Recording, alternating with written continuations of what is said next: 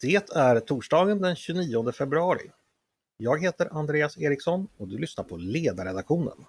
En podd från Svenska Dagbladet.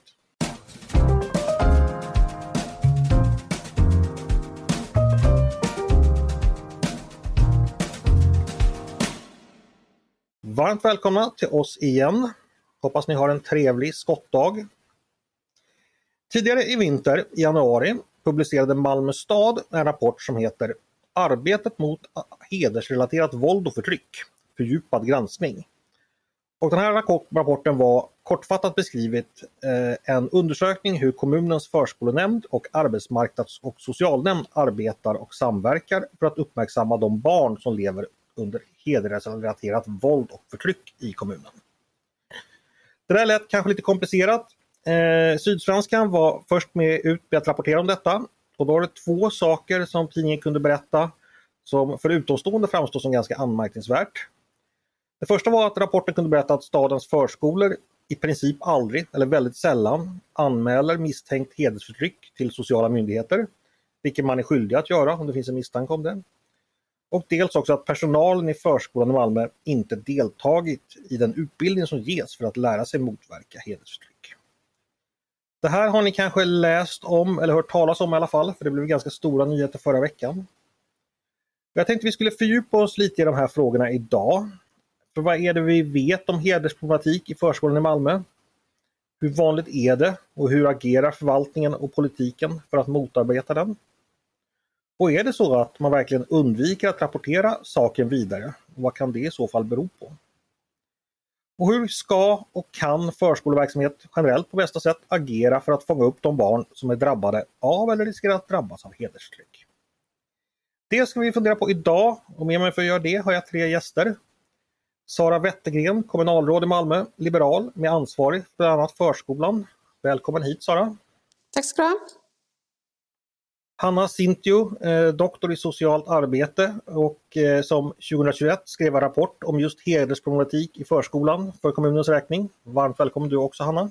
Ja men tack! Och så Sara Mohammad från föreningen Glöm aldrig Pela och Fadime. Varmt välkommen du också! Tack så mycket! Eftersom vi då har två Sara får vi på sant förskolemanér köra med Sara V och Sara M när jag pratar om er. Tänkte jag börja med Sara V. Eh, vi ska prata om den här rapporten. Eh, nu beskrev jag den ju väldigt summariskt i början.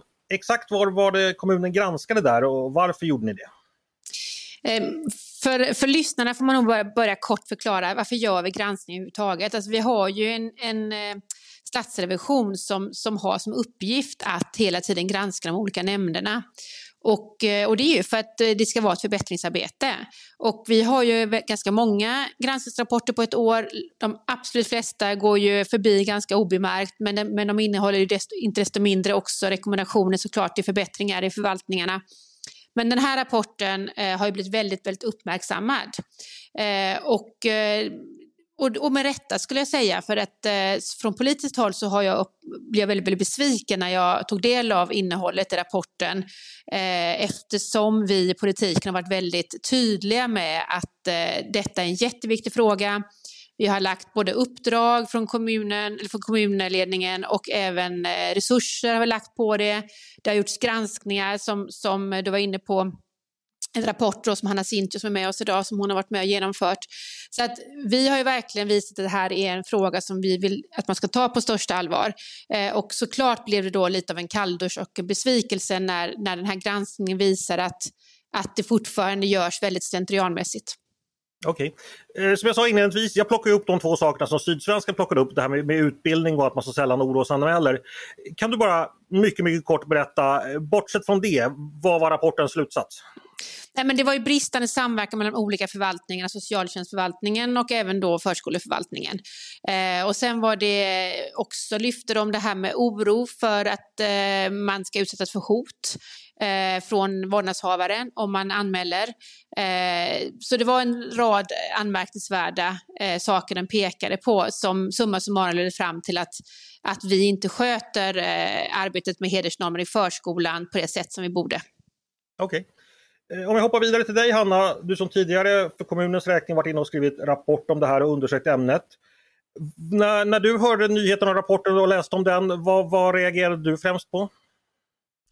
Um, ja, alltså jag var ju inne i, i eh, de första faserna av detta just genom att göra den här inventeringen som liksom ligger till grund för en planering som förvaltningen sen skulle ta vidare. Alltså man tog fram utbildningar, vilket jag också var delaktig i, Eh, och hade liksom en plan för hur både eh, personal, anställd personal och chefer, ledningsnivå, skulle få speciella insatser i detta.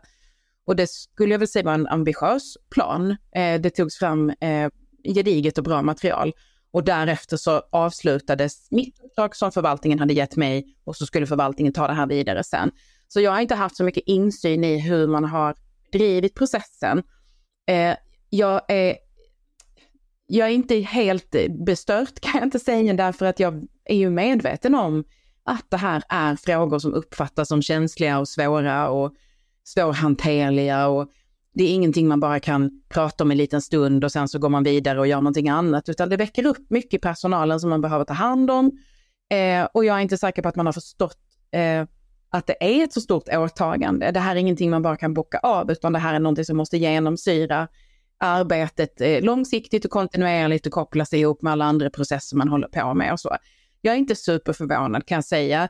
Eh, sen finns det vissa detaljer kring hur man har hur man har granskat och vilka aspekter man har lagt, tagit fasta på som jag tänker att vi kanske kommer att prata lite mer om.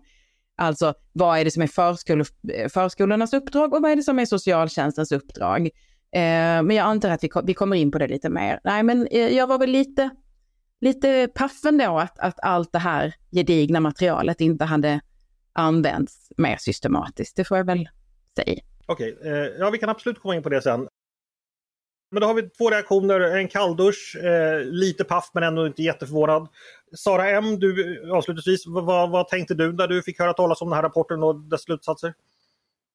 Jag blev absolut inte förvånad men självklart blev jag förbannad på hur politiker och tjänstepersoner i Malmö stad inte har eh, arbetat mot hedersrelaterat våld och förtryck. Eh, jag håller definitivt med att det inte bara eh, hokus pokus man kan fixa det. Den här debatten har varit, eh, utbildningsinsatser har varit i minst 30 decennier som jag har själv varit med. Eh, och att, att eh, efter flera rapporter, eh, flera bevis på hur Malmö förskolebarn har det, hur eh, Malmös eh, ungdomar har det, eh, från eh, storstadskartläggningen till Hannas eh, egen eh, eh, under, undersökning som Malmö stad själv beställde. Trots det, vi hörde ju Socialdemokraternas eh, Rosmarie eh, Karlsson 2021 eh, att eh, när man eh, pratade om att det är efter behov för inventering, att det här handlar inte om hedersförtryck utan om könsroller. Att man ville eh, flytta bort hedersrelaterat våld och förtryck från, från diskussionen. Eh, att, att man har haft en enda orosanmälan där vi har 20 000 barn, det gör mig förbannad. För att vi har tillräckligt med skärpta lagar, nya lagar, om man inte implementerar dem utifrån barns självklara rättigheter och behov eh, för skydd och stöd. Vad har ni för ansvar? Ni finns ju till för att hjälpa och stötta och förebygga hedersrelaterat våld och förtryck och andra, eh, andra sorts våld mot barn. Så det är min reaktion.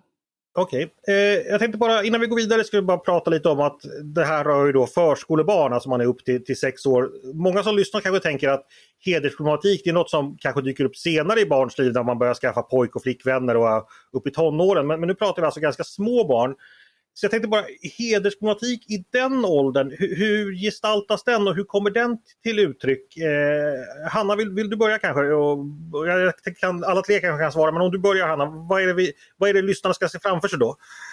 Ja, jag kan ju ge några korta exempel på det som framkom i inventeringen som, som vi liksom ändå har tagit fasta på och, och, och jobbat utifrån. Men jag vill också säga innan jag gör det att det, är inte, det förvånar mig inte heller alltså att att det blir lite grann på det här sättet att det är vanskligare att reda ut när det gäller så pass små barn vad som är vad.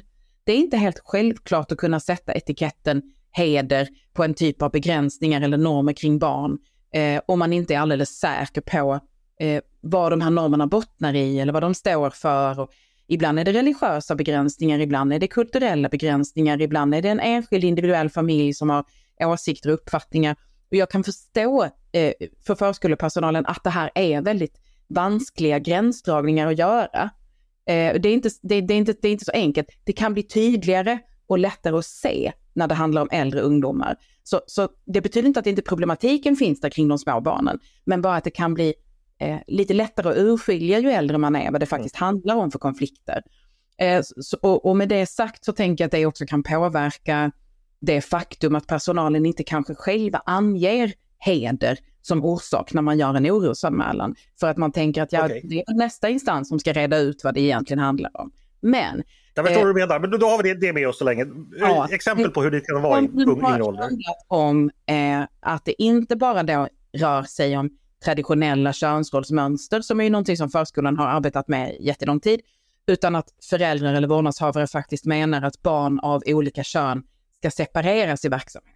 Man vill inte att pojkar och flickor är tillsammans, leker tillsammans, gör saker tillsammans, är nära varandra i verksamheten. Så en sorts ideal om en könsseparerad eller könssegregerad förskoleverksamhet. Det är väl ett exempel som eh, kom upp som var väldigt tydligt och som många förskolor beskrev. Eh, könsrollsmönster som också indikerar kontroll mellan syskon av olika kön, pojkar som kontrollerar systrar, systrar som ska passa upp på pojkar på ett sätt som man beskrev som någonting eh, bortom de traditionella könsrollerna kanske. Eh, också exempel på kropp och klädsel och saker och ting som rör eh, nakenhet och eh, kopplingar till kärlek och sexualitet är otroligt laddat redan kring små barn. Eh, starka begränsningar kring att inte få lov att ta av sig, inte få byta om framför andra, eh, inte få leka eh, bröllop eller att man är kär i någon. Att de här sakerna redan hos de allra yngsta barnen blir väldigt, väldigt laddade och, och skapar starka reaktioner. Sen pratar man ju också såklart om mönster man ser i familjerna. Men då gäller det ju mer vad man ser bland de vuxna eller vad man ser bland äldre syskon. Men kring just de små barnen så är det väl det här som man framförallt har tagit upp i den här inventeringen som, som jag var med och gjorde. Just det. Eh, tack för det. Sara M, vill du komplettera någonting det, det Hanna beskriver hur, hur hedersförtryck kan eh, gestalta sig just när det gäller så här pass små barn? Alltså hedersnormer utspelar sig från födelsen till döden. Flickors sexualitet är mäns heder. De bär ansvaret hur män kan bete sig i samhället, hur män kan se på andra, hur män kan få möjligheter i omgivningen för affärskarriär. Det finns ju, när de blir, när man kommer till tonåren, då, när de protesterar, då är det, man ser mer signaler eh, för de som inte kan hedersrelaterat våld och förtryck, vad det handlar om. Eh, det, hedersrelaterat våld och förtryck eller hederskulturen har ju två ideal. Det ena är oskuldsidealen, det andra är kyskhetsidealen. Hur man upprätthåller dem. Just med att begränsa dem, med att kontrollera dem, med att trakassera dem, med att könssegregera dem. Precis det som Hanna själv har kommit fram till i, i den undersökning som du har gjort, inventerat. Eh, och bestraffningen med att bestraffa dem när de går över hederskulturens gränser. Det är precis det som handlar om hederskulturens normer och värderingar. Så det handlar inte bara om tonårs, tonårsperioden eller eh, eh, tvångsäktenskap, barnäktenskap. Flickor blir könsstympade redan när de är eh, fyra år, just för att dämpa deras sexualitet. Eh, pappor får inte eh, eh papp, eh, män får inte eh, byta blöja på flickor. Det handlar om flickans sexualitet. Det är många, många begränsningar som är klara, tydliga eh, att signaler om det kommer från hedersnormer och värderingar. Okej, okay. ja, då har vi lite bättre koll på, på just eh, unga åldrar och hedersförtryck. Eh, eh, eh då tänkte jag vända mig till, till Sara V igen för att om vi börjar med det här med, med, att man inte anmäler eller man gör det i väldigt, väldigt liten grad. Misstänkt låg grad anser då de, de som har gjort den här granskningen. Då föreslås det ju en del eh, förklaringar till varför det är så och en som är ganska spektakulär det är ju att vissa pedagoger som det heter, nu citerar jag, själva upprätthåller hedersnormer som yrkesverksamma i förskolan det vill säga inte bara att de hyser det privat utan de också i sin egenskap av pedagoger eh, upprätthåller hedersnormer. Sara det låter ju ganska spektakulärt eh, att, att det sker i en kommunal verksamhet. Hur, hur vanligt är det, tror du, att det sker? Alltså, jag kan inte yttra mig hur vanligt det är, men att det förekommer absolut. Eh, och eh, ska det förekomma? Nej, det ska det inte. Eh, sen vill jag, måste jag bara få replikera lite på Sara Mohammed i det hon sa tidigare, där jag vänder mig starkt mot att vi inte skulle ha gjort någonting i Malmö. Jag vill påminna om att vi är de som den första i landet som tog fram en rapport just om hur det ser ut i förskolan. Just för att vi också fattade att ett hedersbegreppet uppkommer inte på dag ett i förskoleklass, utan naturligtvis finns det också tidigare. Och det var det vi ville kartlägga. Okay. Eh, sen har andra kommuner gjort liknande kartläggningar och kommit fram till ungefär samma sak. Så att, och vi jobbar väldigt, väldigt intensivt med den här frågan och har både ett resursteam heder och, och särskilt boende för personer som är utsatta för, för hedersrelaterade normer. Så jag, jag vill bara säga det, för jag kände att det var väldigt orättvist. Det var väldigt orättvist. Det Senaste veckans uppmärksamhet och rapport betyder med facit i handen att ni har inte gjort någonting för, som, kan, som kan ha betydelse för barnens liv och hälsa, för barnens framtid. Det är det som vi pratar om. Att okay. man gör, skriver fina rapporter, det hjälper inte om man inte implementerar ja. jag förstår, jag förstår. Nu, nu vill jag ställa en fråga till, till, Sara, eh, till Sara V. Då. Eh, kan man arbeta som förskolepedagog i Malmö kommuns skolor ifall man själv upprätthåller hedersnormer i sitt arbete? Det är självklart så att du inte när du anställs frågas lever du under hedersnormer eller upprättar du hedersnormer? Så svaret med det är förmodligen att ja, det kan du göra. Det kan du göra. Men är det acceptabelt eh, men... att det sker? Nej, det är inte acceptabelt och just därför så har vi tagit fram gedigna utbildningsmaterial och riktlinjer. Sen är jag den första till att erkänna, och det visar den här granskningen, att allt det här bra materialet som vi faktiskt har, gedigna erfarenheter vi har, det omsätts inte i praktiken. Det är där det haltar och det är där vi måste se till att alla, för självfallet ska du inte upprätthålla hedersnormer om du arbetar i förskolan. Men, att, när du, men det är ju inte en fråga du ställer när man anställs, absolut inte. Det tror jag inte man gör i någon kommun i Sverige överhuvudtaget. Fast jag menar det finns ju massa kollar, när man, ursäkta, när man anställs i förskolan så måste man väl visa, man kollar väl massa saker, Vill man inte, kollar man inte exempelvis om folk inte är tidigare straffade eller något sånt där, eller att man inte anställer ja, pedofiler. Så man skulle ju kunna ställa den frågan eller göra den undersökningen tänker jag. Det är väl lätt gjort att ändra på rekryteringsprocessen. Jag tänker att en rekryteringsprocess, självfallet ska du visa upp eh, Eh, de eh, intyg som krävs. Självfallet sker det rekryteringsprocesser. Och man kan såklart fundera på, och sen handlar det väldigt mycket om, delar du värdegrunden? För det, det, i, i detta ligger faktiskt, heder är ju en del av vårt värdegrundsarbete. Eh, men, men mig vetligen så är det inte en fråga man specifikt ställer vid en rekrytering. Skulle man göra eller inte, det får man ju fundera på. Jag tror att det viktiga i detta, det är ju att man ser till att ge personalen rätt verktyg och också vara väldigt tydlig med att jobbar du i våra verksamheter, då ställer du också upp på våra, våra, vår värdegrund. Och där har vi ju uppenbarligen inte lyckats okay, nog. Okay. Och där har vi ett arbete att göra. Vi släpper in Hanna här. Eh, det här med att personalen själva då eh, antingen delar de, de här normerna som man kanske är passiv inför dem eller till och med själv upprätthåller dem. Var det någonting du märkte någonting av i din granskning eller vad har du att säga om det? Men det är ett av de exempel som, kom, som kommer upp, absolut. Alltså att personal i sina svar i den här inventeringen som gjordes anger att man har uppfattat på vissa håll att man har haft någon kollega som gett uttryck för den typen av värderingar eller inte reagerat tillräckligt starkt när sådana värderingar har uttryckt sig i familjer och så vidare. Så det, det finns absolut med som ett exempel. Sen tror inte jag personligen att liksom lösningen på detta är att ställa en fråga vid rekryteringen.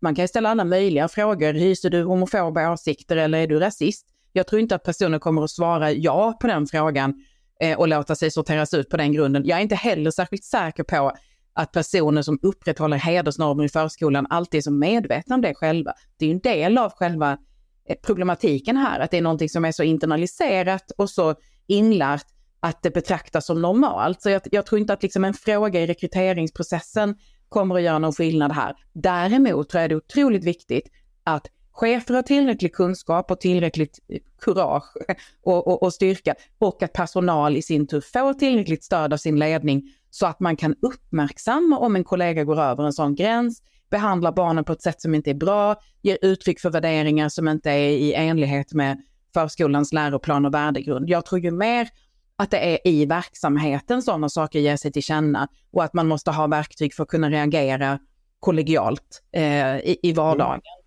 Så tror jag.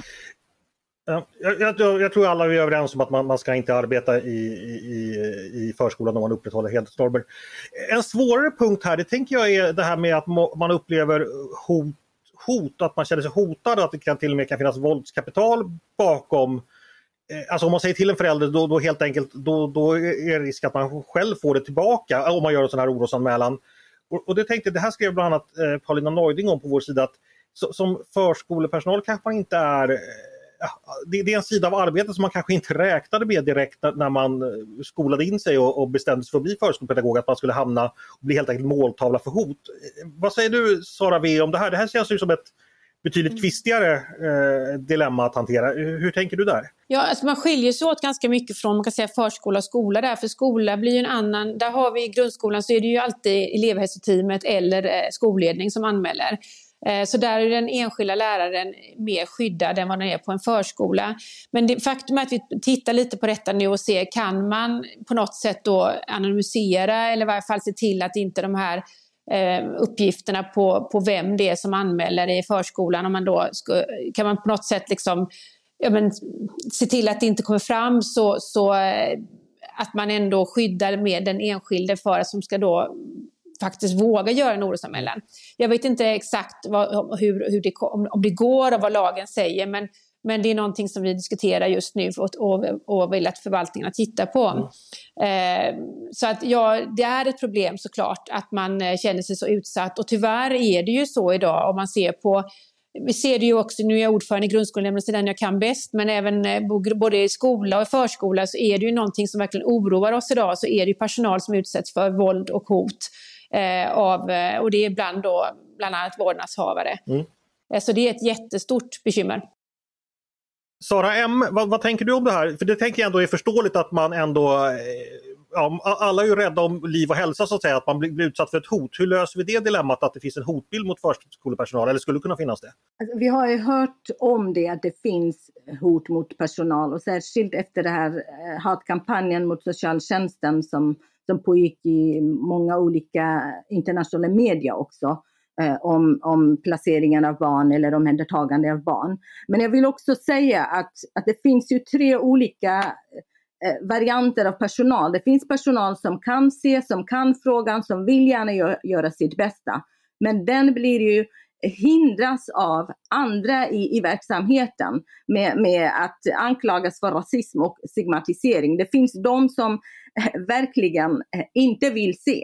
Så det är inte bara att man inte kan se utan inte vill se och eh, kopplar alla, allt hedersrelaterat våld och förtryck till eh, rasistisk eh, kontext. Eh, att, att man ser att det här är eh, rasism, därför man, man blundar för det eh, och inte vill eh, bry sig om barnet. Och sen finns det de som själva är bärare av hedersnormer och värderingar som borde absolut inte jobba med barn.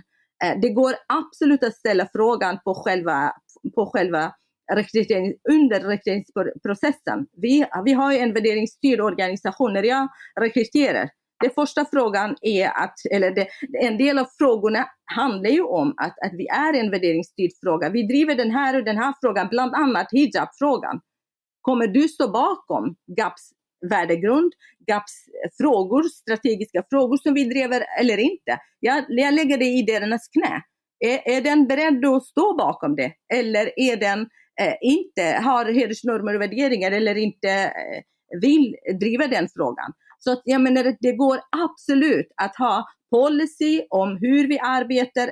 Vi har ju haft personal, inte på förskolan, i Malmö, som, i, i Lund tror jag var det, som fick ju fyra månaders fängelse för att han hade ju, han hade ju eh, gått över gränsen för tystnadsplikten. Han hade gått till journaler, eh, besök av flickor till gynekologer och eh, rapporterat till deras föräldrar. Vi kan inte ha sådana personal som bärare av hedersnormer och värderingar förstör livet för dem. Mm. Eh, om jag tar det här vidare, det första du sa, jag tänkte kolla med, med Hanna där, att de som lyfter det här då kan bli anklagade för att stigmatisera en utsatt grupp eller rent av eh, för rasism att det, av sina egna kollegor eller av andra i sin närhet. Vad tänker du om det? Är det någonting du, du har stött på när du har gjort din undersökning? Ja, men när jag gjorde undersökningen så var det ju en av reaktionerna som kom ett tag efter att rapporten hade plockats upp av media och publicerats. Så var det liksom en del i att den, eh, den blev å ena sidan lyft och liksom eh, hyllad och diskuterad som att det var en jätteviktig rapport, men den blev också kritiserad av det skälet. Det var liksom från akademiskt håll framför allt som man menade att det här var en rapport som kunde underblåsa eh, ja, olika typer av liksom, främlingsfientliga eh, tendenser och så. Eh, och det är klart att det är en, eh, det är viktigt att kunna hålla liksom en, en god balans i det här tänker jag. Eh, för det finns inget självändamål i att försöka bekräfta och befästa den typen av fördomar och stereotyper. Men jag tror att när man pratar om Malmö eh, så ska man också komma ihåg att det är en otroligt mångkulturell stad. På, personalen på de allra flesta förskolor speglar liksom befolkningen i Malmö. Jag har inte uppfattat när, i mina jättemånga möten som jag ändå har haft med förskolor och med ledning och med personal och så, att det här är det liksom primära problemet i Malmö åtminstone, att man är så rädd för att bli anklagad för rasism och man lyfter hedersförtryck. Personalen själv är oerhört eh, mångkulturell, eh, mångetisk, flerspråkig. Jag tror att det är också en del i förklaringen till det som vi var inne på tidigare, när man säger att det finns hotbilder och föräldrar man är rädd för och så. Förskolan speglar ju samhället. Förskolan är ju liksom en förlängning av samhället och de sociala problem och utmaningar som finns i samhället, de ser vi också i förskolan. Eh, den är liksom inte undantagen från det. Så det betyder att vi kommer att se problem med hot och våld i förskolan också om vi har det i samhället i stort. När det gäller just den här frågan om att tystas eh, så tänker jag att det är ju ändå ett, ett ansvar som alla någonstans måste ta oavsett om man är verksam som akademiker eller man jobbar i förskolan eller man är politiker eller vad det än är man gör. Att förstå att det här handlar om barnen. Vi måste sätta barnen i fokus av den här frågan och inte liksom förlora oss i ideologiska eh, diskussioner som handlar om vuxnas etiketter och problematiseringar. Det är i grunden en fråga om barns möjligheter och barns framtid och barns rätt till sina egna liv och sin frihet och sin kropp och sina beslut och så. Och där tänker jag att förskolan på ett sätt ger väldigt mycket verktyg. Den läroplanen och värdegrunden som förskolan har är jättetydlig på många punkter. Att barn ska få lov att utforska och prova och leka och ifrågasätta och utveckla sina egna tankar och sin egen identitet och så. Dilemmat som många beskriver är inte det som jag får till mig. Det kan se annorlunda ut på andra håll, men det som jag får till mig oftast när jag får höra, det är mer att man känner sig klämd mellan olika, styr, olika saker i styrdokumenten. Å ena sidan så ska man uppmuntra alla de här sakerna hos barnen och eh, jobbar för demokratiska värden och allt vad det kan vara. Å andra sidan så står det också i förskolans läroplan att man ska värna om en god kontakt med vårdnadshavarna, att de ska få lov att ha inflytande på verksamheten, att de också har jättemycket att säga till om när det gäller barnen. Och där tror jag att man som personal kan känna osäkerheten då, vad är det jag ska luta mig mot i min bedömning? Och då glömmer man det här barnrättsperspektivet och liksom lägga fokus på, på barnet och barnets situation och så fastnar man i den här spänningen mellan olika principer i sina styrdokument. Det kan jag eh, uppleva att jag liksom får höra från personalen att man tycker är ett större dilemma egentligen. Det var lättare på 80-talet när jag gick på dagis. Då skickade man ut barnen i skogen så fick man se vilka som kom hem igen och så var man glad med det.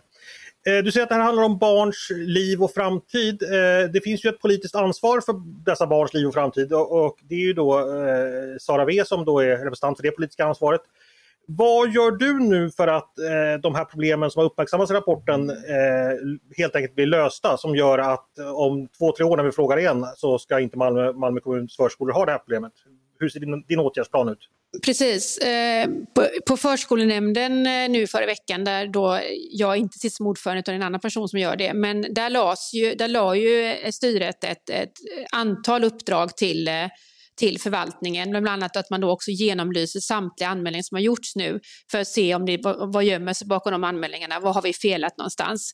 Eh, där är också eh, tydliga direktiv om att, att se till att de här eh, personalen nu, att det blir obligatoriska utbildningar och inte liksom någonting som man kan, kan eh, slippa ifrån om man, inte, om man, tycker, om man tycker att det känns jobbigt. Eh, så det var en rad uppdrag plus att vi då vid nästa eh, nämnd i mars kommer eh, förvaltningen också redovisa svaren på den här granskningen, alltså de svaren som man ska skicka iväg till Statsrevisionen. Eh, så att det, som jag uppfattar det så är man verkligen på tårna och dessutom har man då vid förskolenämnden begärt att man varje månad nu får en eller vid varje nämndsammanträde så ska man få en uppföljning på hur arbetet går kring hedersnormer och hedersförtryck. Eh, så att eh, jag uppfattar att politiken kommer följa det här väldigt noga. Framöver. Politiken är på tårna säger Sara V. Vad säger du Sara M? Litar du på att politikerna i Malmö kommer lösa det här? Jag måste ju lita på det de säger att de ska göra framöver, men det gäller att, att uh, följa upp det. Om det ger verkligen effekt i barnens liv och framtid. Vi finns för att kunna stötta er. Just idag har vi skickat en, en exklusiv erbjudande på kostnadsfria föreläsningar till hela Malmö stad om vi räcker handen, vi har kompetenser, vi har erfarenheter, vi vill gärna stötta hela Malmö stads förskolor och grundskolor och politiker om just hedersrelaterat våld och förtryck. Så ta gärna kontakt med oss, ni kan få hjälp av oss om, om de kunskaperna som, som behövs. Eh, och sen självklart eh, ska man ha god relation med föräldrar så länge föräldrarna inte begränsar barnens rätt till jämställdhet, barnens rätt till lika villkor och lika möjligheter som pojkar, eh, barnens rätt till värdighet. Läroplanen är ju tydligt vilket uppdrag man har. Man har jämställdhetsuppdraget. Det är det som samhällets värdegrund står för förskolepedagoger och, och, andra, det är det de har ansvar för, att, att utgå från, från jämställdheten, inte att gulla med föräldrar som, som begränsar eh, barnens rättigheter, som, som kränker barnens rättigheter, som, som hotar eh, personal som, som försöker göra utifrån barnets bästa. Och de personal som inte kan eh, hålla sig till, till värdegrunden i, i, vårt samhälle, inte kan om barns rättigheter, vill inte barns rättigheter, de ska inte jobba med barn. Punkt okay. slut. Sara V, du fick en utsträckt hand här och ett erbjudande. Antar du det på direkten? Jag tackar såklart Sara Mohammed och GAP för att de är intresserade av att hjälpa och, bidra med sitt kunnande. De har mycket kunnande. Eh, vi får ju se, vi har ju som sagt väldigt mycket struktur på plats även i, i Malmö så att vi får väl helt enkelt se vad, som, eh, vad är det som fattas och vad som passar eh, förvaltningarna och bäst i det här arbetet. Där det viktigaste är att vi ser till att att allt det material som vi faktiskt har tagit fram, alla de utbildningsmoduler som vi har tagit fram, att det implementeras i, i praktiken. Det är egentligen det det handlar om. Mm. Eh, hörni, vi ska snart tvungna oss ihop där för tiden springer snabbt ifrån oss även fast det finns massa andra saker att prata om. Eh, jag tänkte bara vända mig till dig Hanna, det är du som står för forskningen och kunskapen här. Vad ser du som nycklarna Ja, vi var inne lite på de sociala myndigheterna, men nu har vi inte pratat alls om dem egentligen. Men, men, men från kommunalt håll generellt för att man ska lyckas vända den här eh, utvecklingen vi ser och kunna, kunna hjälpa barn när det handlar just då, i, i förskoleåldern. Ja, men det jag i så fall, om jag, om jag liksom tvingas på kort eh, tid välja ett perspektiv så skulle jag säga så här att även om den här eh, internrevisionen visar på, på väldigt allvarliga saker som jag tycker är viktigt att de uppmärksammas, så tycker jag också att det är en väldigt märklig tolkning om man tror att det betyder att inga förskolor gör någonting. För jag ser ju i mitt eh, vardagliga arbete att det finns ett antal förskolor som jobbar jätteaktivt med det här och har otroligt mycket kunskap. De är modiga, de är kreativa, de är helt självklart centrerade i ett barnperspektiv och ett rättighetsperspektiv och har hittat verktyg för att jobba med de här sakerna. Så jag tänker att det, de problem som belyses, det är inte en bild av hur allting ser ut på varenda förskola i hela Malmö. Det, det är absolut inte så. Så att om man liksom kan lokalisera de förskolor, de ledning, alltså rektorer, biträdande rektorer, förskolepersonal som har eh, nått framgångar i det här arbetet och kan dela med sig av den kunskapen. Det tänker jag är en jätteviktig, eh, ett, ett jätteviktigt nästa steg för att liksom ingjuta lite mer mod och eh, idéer och eh, förtroende och självförtroende i, hos de förskolor där man uppenbarligen har tyckt att detta är jättesvårt. För jag tror inte på något sätt att det här är omöjligt. Det, det ser jag ju själv eh, i mitt arbete att det inte är. Men det krävs eh, mm. ganska mycket och det krävs framförallt en långsiktighet och en övertygelse som inte bara handlar om att gå en utbildning en gång och sen har man bockat av den. För så löser vi inte de här problemen. Men jag menar att det finns, det finns exempel och det finns kompetens i kommunen, men den behöver lyftas och den behöver kunna fungera som exempel för andra. Det skulle jag säga. En inte helt nattsvart bild i alla fall. Jag vill också lägga till att jag menar inte enskilda eldsjälar som verkligen gör sitt bästa. Jag menar kommunpolitiker som har ansvar, jag menar kommunanställda eh, på förvaltningsnivå Det är de som har största ansvaret att se till det, att implementera, att se till att rutiner sitter på plats, att se till att utvärderas och att se till att försö- kompetensförsörja personalen och se till att obligatoriskt eh, utbilda personalen som vägrar gå till utbildning just om hedersrelaterat våld och förtryck. Mm. Vad bra, tack för det. Eh, vi landar i alla fall i att eh, Malmö stad har, har accepterat att bli, bli utbildad av eh, Glöm aldrig eh, Pela och Fadime. Så jag hoppas att det är ett litet frö till, till någonting som kommer kanske avhjälpa eh, det här framöver. Eh, stort tack alla tre, Sara Mohammad, Sara Wettergren och eh, Hanna Sintju för att ni gästade mig idag. Tack så mycket! Tack så mycket för att vi fick vara med. Tack. Och tack också till er som har lyssnat eh, på dagens avsnitt av Ledarredaktionen. En podd från Svenska Dagbladet. Hoppas ni tyckte dagens diskussion var intressant eh, och som vanligt är ni varmt välkomna att höra av er till oss på redaktionen med tankar och synpunkter på det vi precis pratat om. Eh, eller om ni har idéer och förslag på vad vi ska ta upp i framtiden.